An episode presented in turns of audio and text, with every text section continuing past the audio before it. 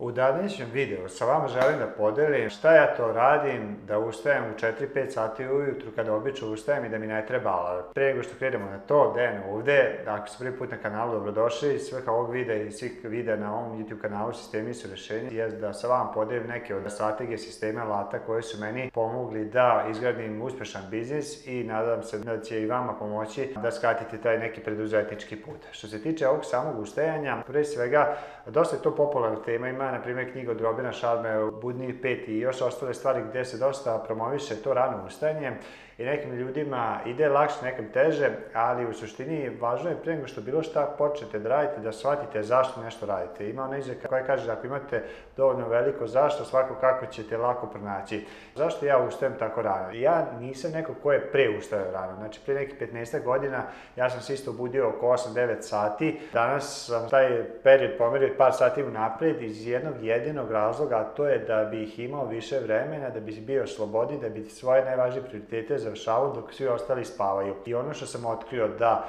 svi mi u toku dana imamo te neke magične momente kada za isti vremenski period postižemo 2, 3, 4, 5 puta više rezultata nego u drugim periodima. Za mene lično, ako hoću da zaista bude produktivan, neki period između 5, 6 i 7 ujutru je najoptimalniji da ja završim ono što me najviše gura napred u ličnom životu i u biznisu I onda, kroz ceo dan imam taj neki dobar osjećaj da sam svoje najvažnije stvari uradio odmah na početku i onda sve ostale stvari koje imam toku dana isto bolje odrađuje zato što me prati taj dobro osjećaj. Ja čuo sam skoro jednu super metaforu, zamislite da recimo sutra, bukvalno sutra ujutru, zamislite da dobijete milion eura, kako bi se osjećali? To sam baš pitao jednog čoveka prošle nedelje konsultacijama i rekao, pa bi osjećao bi se fenomenalno. I onda sam ga pitao, ako bi ti neko opsovao nešto, neko bi ti izrerirao, da li bi to uticalo na tebe? Naravno, isti efekt dobijete ako tu svoju najvažniju stvar odradite rano ujutru i obično vaši prioriteti su stvari koje ćete najčešće odugovlačiti i zato mi mislim da je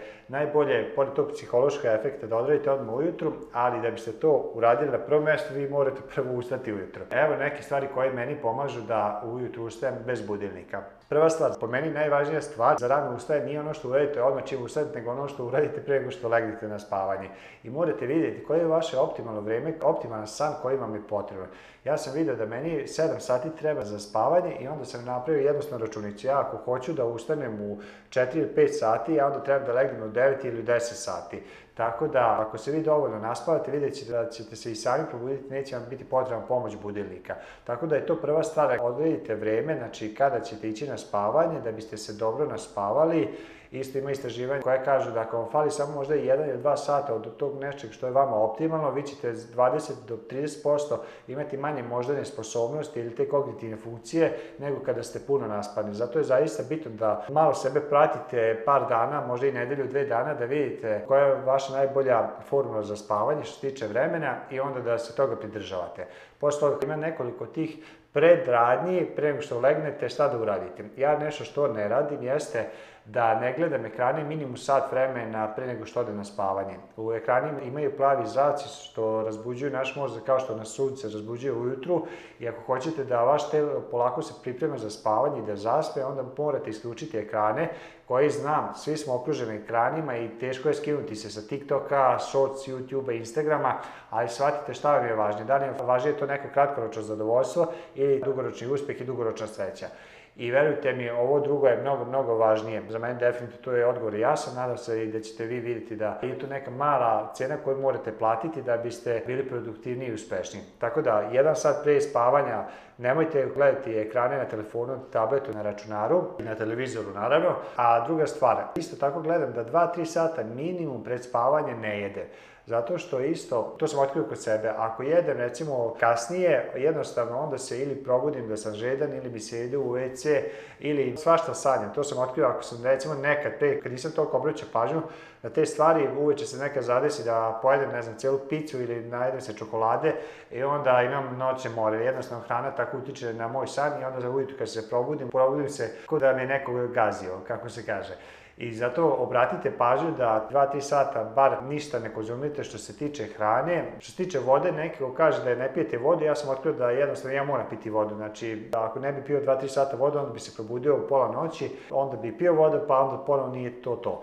Tako da, kod mene to funkcioniše da ne jedem hranu. Druga stvar koju isto sam otkrio da kod mene funkcioniš, to jest ne funkcioniš ako uradim, jeste ja kafu ne pijem, ali nekad se zadesi da mi možda mali bude pritisak u glavi ili možda neka mala glavobolja kada je promena vremena i otkrio sam da mi kafa u tome pomaže. I onda uzmem nekad popijem kafu i otkrio sam ako popijem kafu nekih 6, 7, 8 sati pred spavanje, ponovo legnem, zaspem, ali se probudim jedan sat i ne mogu da spavam.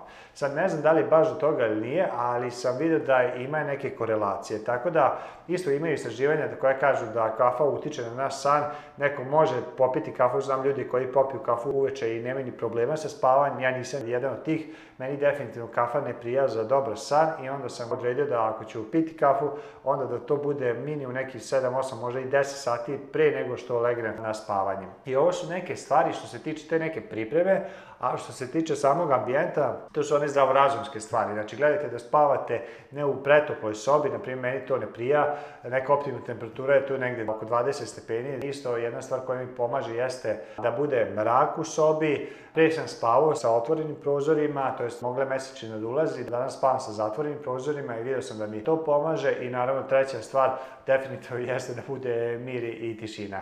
Danas ja živim u gradu i ono što definitivno dosta utiče na spavanje jeste i kvalitet vazduha i nadmorske visine, i da li je prirodno okruženje ili nije. U gradu ne mogu to toliko da biram, jedan razloga zašto želim da se preselim u skorijem periodu u kuću negde gde ima puno šume, gde ima neka nadamska visina, je upravo zbog toga da bi imao još više taj neki mir i ostvariti neke potrebne preduslove da bi imao još kvalitetniji san i tako poveća kvalitet svog života.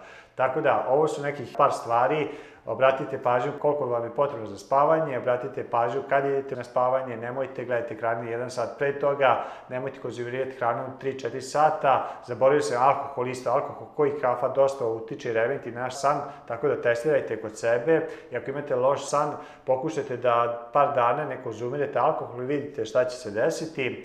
I ovo što sam rekao na kraju, znači gledajte da prostorija bude mračna, prohladna i da imate tišinu i posle kada se ujutru probudite, nadam se da ćete imati puno energije i kreativnosti i volje da vaše najvažnije zadatke, najvažnije prioritete za vaš uspeh odrađujete i da za tih sat vremena ujutru postižete 3 do 5 puta više nego što biste inače u toku dana. Toliko u današnjem videu. Ako želite da vidite kompletnu moju jutarnju rutinu, pogledajte u taj klip i do sledećeg videa veliki pozdrav!